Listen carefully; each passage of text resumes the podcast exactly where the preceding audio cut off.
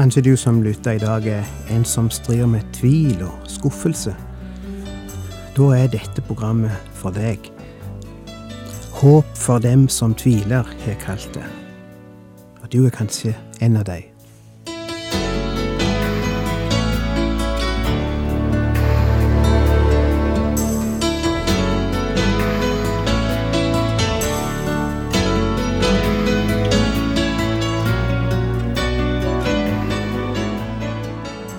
Hjertelig velkommen til et nytt program i serien Vindu mot livet. Vindu mot livet er basert på programserien Insight for Living ved Chuck Svindal. Programmet er produsert av Kristen Riksradio og blir ledet av Ola Bjoland.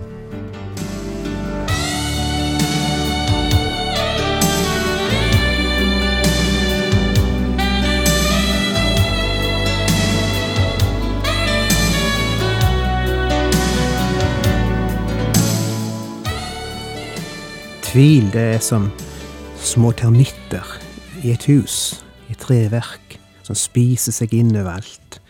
Og slik er det òg med tvil når det gjelder vår tro. De smuldrer opp konstruksjonene og bærebjelkene. Og så lenge det er sol og stilt, kan det gå fint, men når stormen kommer, så raser det hele sammen. Jeg tror det er to-tre situasjoner der trua ofte blir det sett på en slik prøve at det raser for noen. Og en av disse situasjonene er når noe som jeg aldri trodde kunne skje, likevel skjer i mitt liv. Har du opplevd det? Fikk nylig en telefon fra ei dame som begynte samtalen med å si Nå har det skjedd, det som jeg trodde aldri skulle skje med meg. Når noe som en ikke regna med skulle skje, iallfall ikke med meg, plutselig skjer, da kan det hende at trua vakler. Har du ditt hus oppå klippen bygd, heter det i en sang. Jeg glemmer aldri første gang jeg hører den sangen. Det var på et KK-møte, eller Blå Kors-møte, og disse livsglade, prøvede mennene sang så de var sprutrøde i ansiktet. Jeg har aldri opplevd en slik sangglede. Har du ditt hus oppå klippen bygd, sikkert i stormen det står, da kan du alltid få hvile trygt, stormer det år etter år. Og du som seiler blant skjulte skjær, husk, i Guds havn er det fred og ro. Ankergrunn sikker du finner der. Kast kun ditt anker i tro. Nydelig sang. Men når denne klippen ser ut til å flytte på seg, og jeg plutselig trør utenfor og raser utfor, ned i djupet, og ikke finner noen grunn for føttene. Når du ikke finner denne fredfulle, stille havnen som sangen snakker om, men havet raser rundt deg, og du føler at du holder på å gå unna. Når Gud tillater at ting skjer i ditt liv som du aldri trodde skulle skje med deg.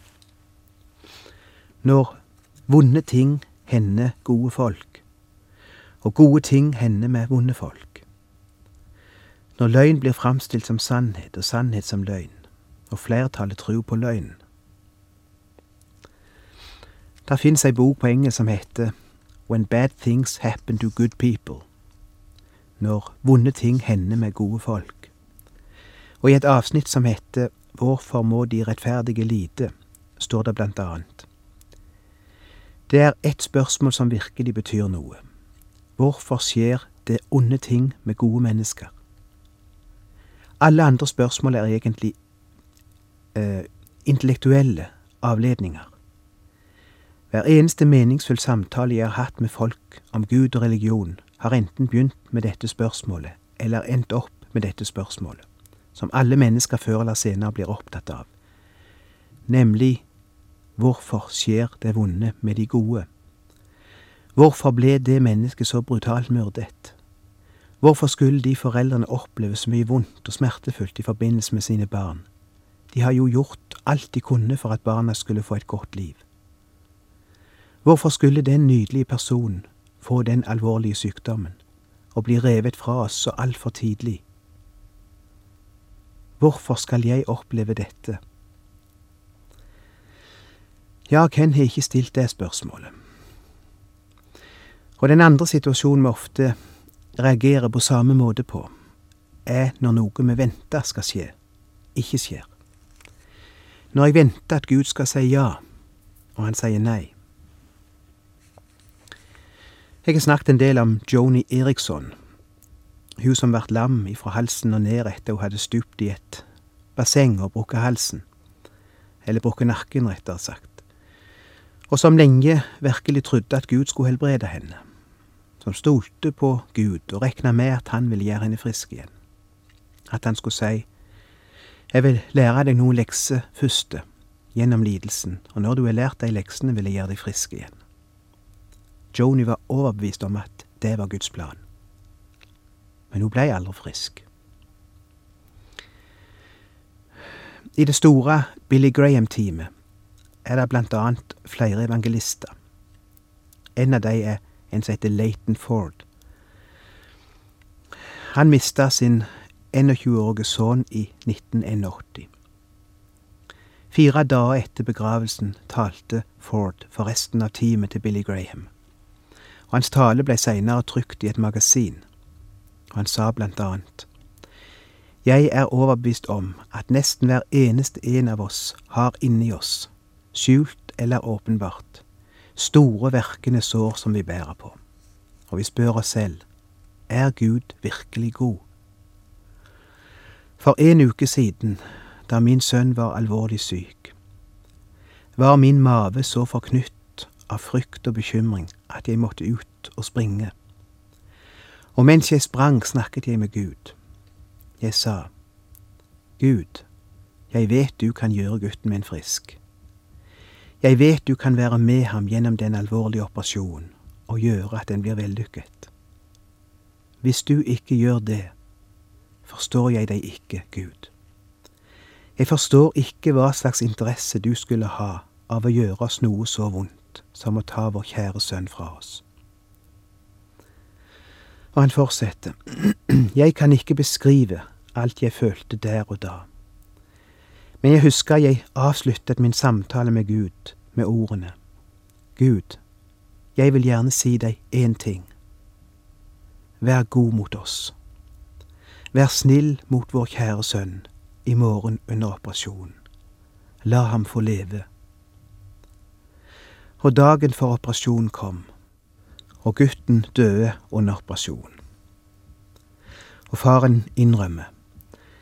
Jeg ville ikke være ærlig mot dere hvis jeg sa at jeg setter min lit til Gud og takker ham for alt som hender. For det er noe inni meg som sier, dette er ikke rett. Og jeg begynner å tvile på Gud. Det sa faktisk en av de faste medarbeiderne i Billy Graham-teamet. Når ting hender i vårt liv som vi aldri trodde skulle hende oss, særlig når vi har trygla Gud om at det ikke må skje. Og når ting ikke hender som vi trodde og mente skulle hende, men det hendte ikke. Og den tredje situasjonen der vi ofte kommer inn i tvil, er når ting jeg venter skal skje, og som jeg kanskje har fått løfte ifra Gud om at skal skje, tar så lang tid at jeg slutter å vente på det. Når Gud sier vent, vent, Vent. Alt dette fører oss direkte inn i det sjette kapittelet av Hebreerbrevet, og det siste avsnittet der, som er kommet til nå. Et av favorittavsnittene i Bibelen for mange av oss. Et kapittel som begynner med strenge formaninger, og fortsetter med trøstens og oppmuntringens ord, og som slutter med nye ord til trøst og trygghet. Ennå når Gud sier nei, og du hadde venta et ja. Ikke gi opp. Og ennå når han tillater at ting skjer som du ikke trodde ville skje. Ingen grunn til å begynne å tvile på Gud. Gud er trofast mot sitt løfte, sier dette avsnittet. Og som illustrasjon på Guds trofasthet brukes Abraham. Vi leser ifra vers 13 her i kapittel 6 i Hebreabrevet. Da Gud ga Abraham løftet, sverget han ved seg selv. Han hadde jo ingen større å sverge med. Han sa, Sannelig, jeg vil velsigne deg rikt og gjøre din ett tallrik. Og så fikk Abraham løftet oppfylt, fordi han ventet tålmodig. Mennesker sverger jo ved en som er større, og eden tjener til stadfesting, da den gjør slutt på alle innvendinger. Fordi Gud ville gjøre det helt klart for arvingen et løftet at hans beslutning var uforanderlig. Innesto han for det også med en ed, med to ting som ikke kan forandres, løfte og ed, som utelukker at Gud lyver, skulle vi ha en mektig trøst, vi som har søkt redning ved å gripe det håp som ligger foran oss. Hva er det det handler om? Ja, i verset foran som vi så på sist, vers tolv, står der. Da må dere ikke være sløve, men ha dem til forbilde, som på grunn av tro og utholdenhet fordeler løftene. Og så nevner han et eksempel på slike som vi skal ha som forbilde. Han kunne valgt mange slike, men han velger Abraham.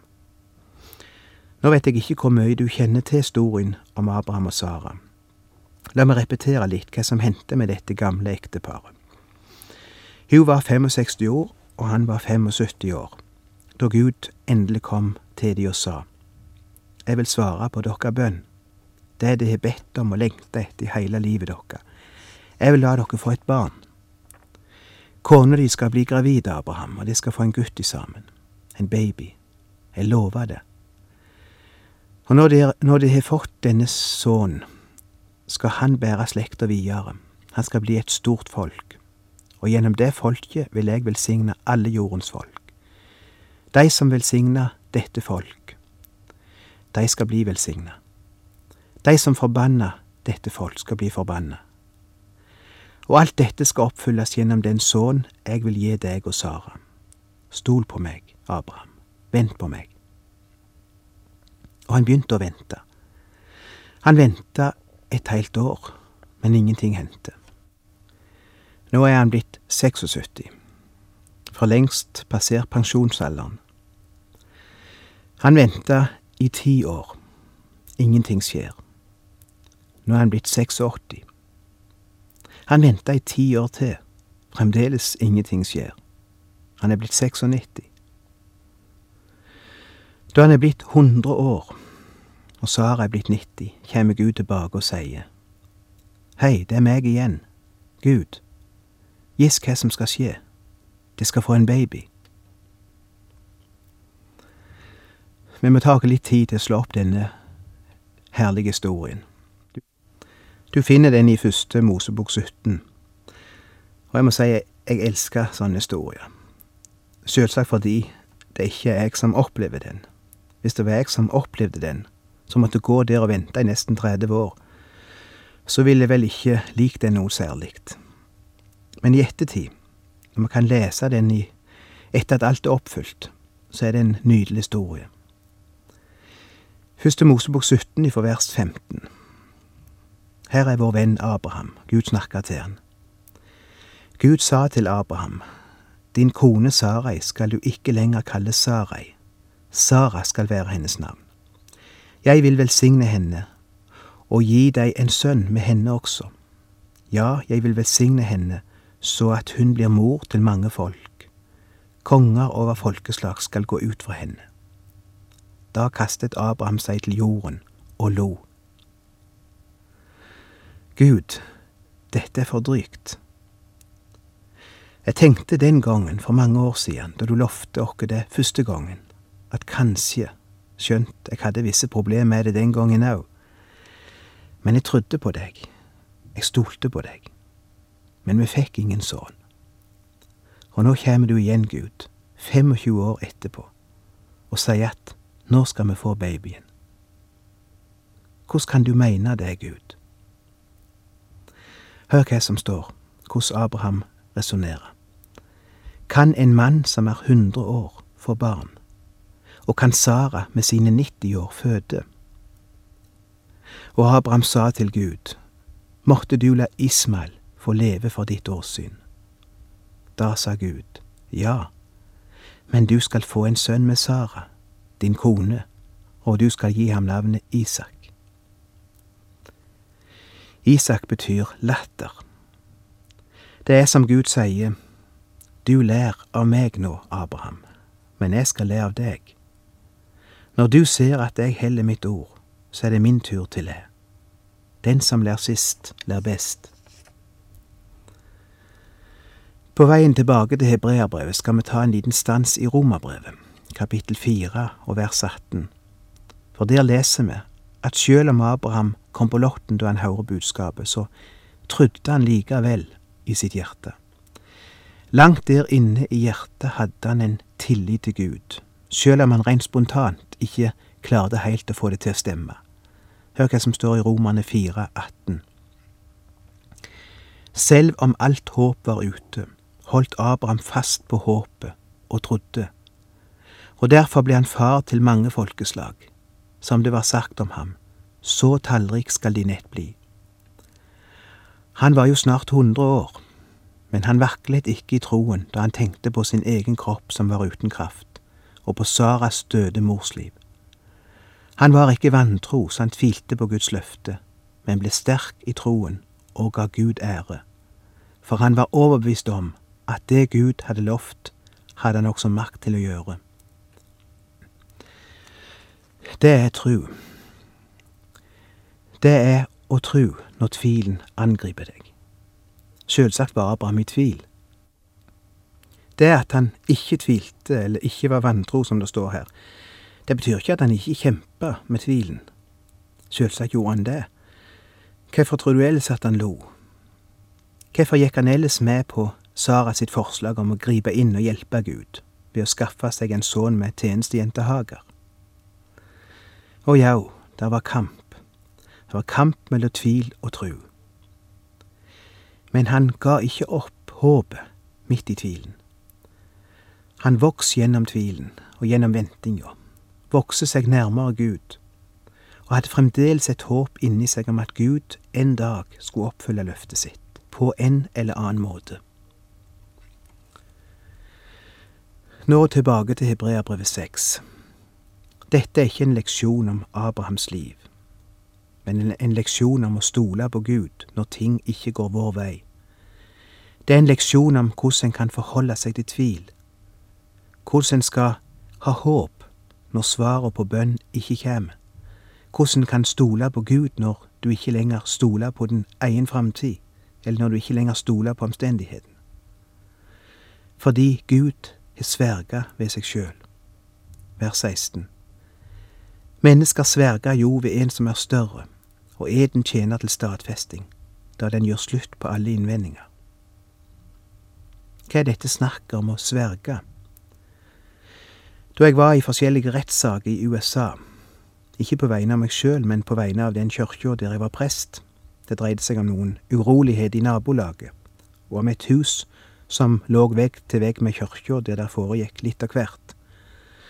Prostitusjon og narkotikaomsetning og kriminalitet av alle slag og jeg møtte flere ganger i retten.